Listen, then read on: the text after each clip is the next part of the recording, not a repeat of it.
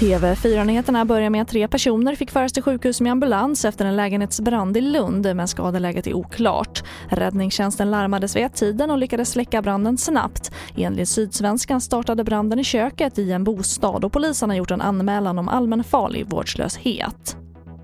Och även i Fisksätra i östra Stockholm har en ung man förts till sjukhus med ambulans och det efter att han blivit knivhuggen på en restaurang sent igår kväll. Det finns inga uppgifter om skadeläget och polisen har inlett en förundersökning om mordförsök och ingen misstänkt har ännu gripits. Och en stor del av det permitteringsstöd som Tillväxtverket betalar ut i samband med pandemin rör sig om fusk. Enligt en uppskattning från regeringens utredare av brottslighet kan det handla om ett svinn på uppemot 2 miljarder kronor, det skriver DI. Det vanligaste fusket är att företaget uppger en högre lön än vad den anställde faktiskt har. Och för att klara det ökade behovet av intensivvård förändras nu IVA-personalens treskift till tvåskift på Karolinska Universitetssjukhuset i Solna och Huddinge. Nu ska de återigen arbeta 12,5 timmars pass istället för 8 eller 10 som idag.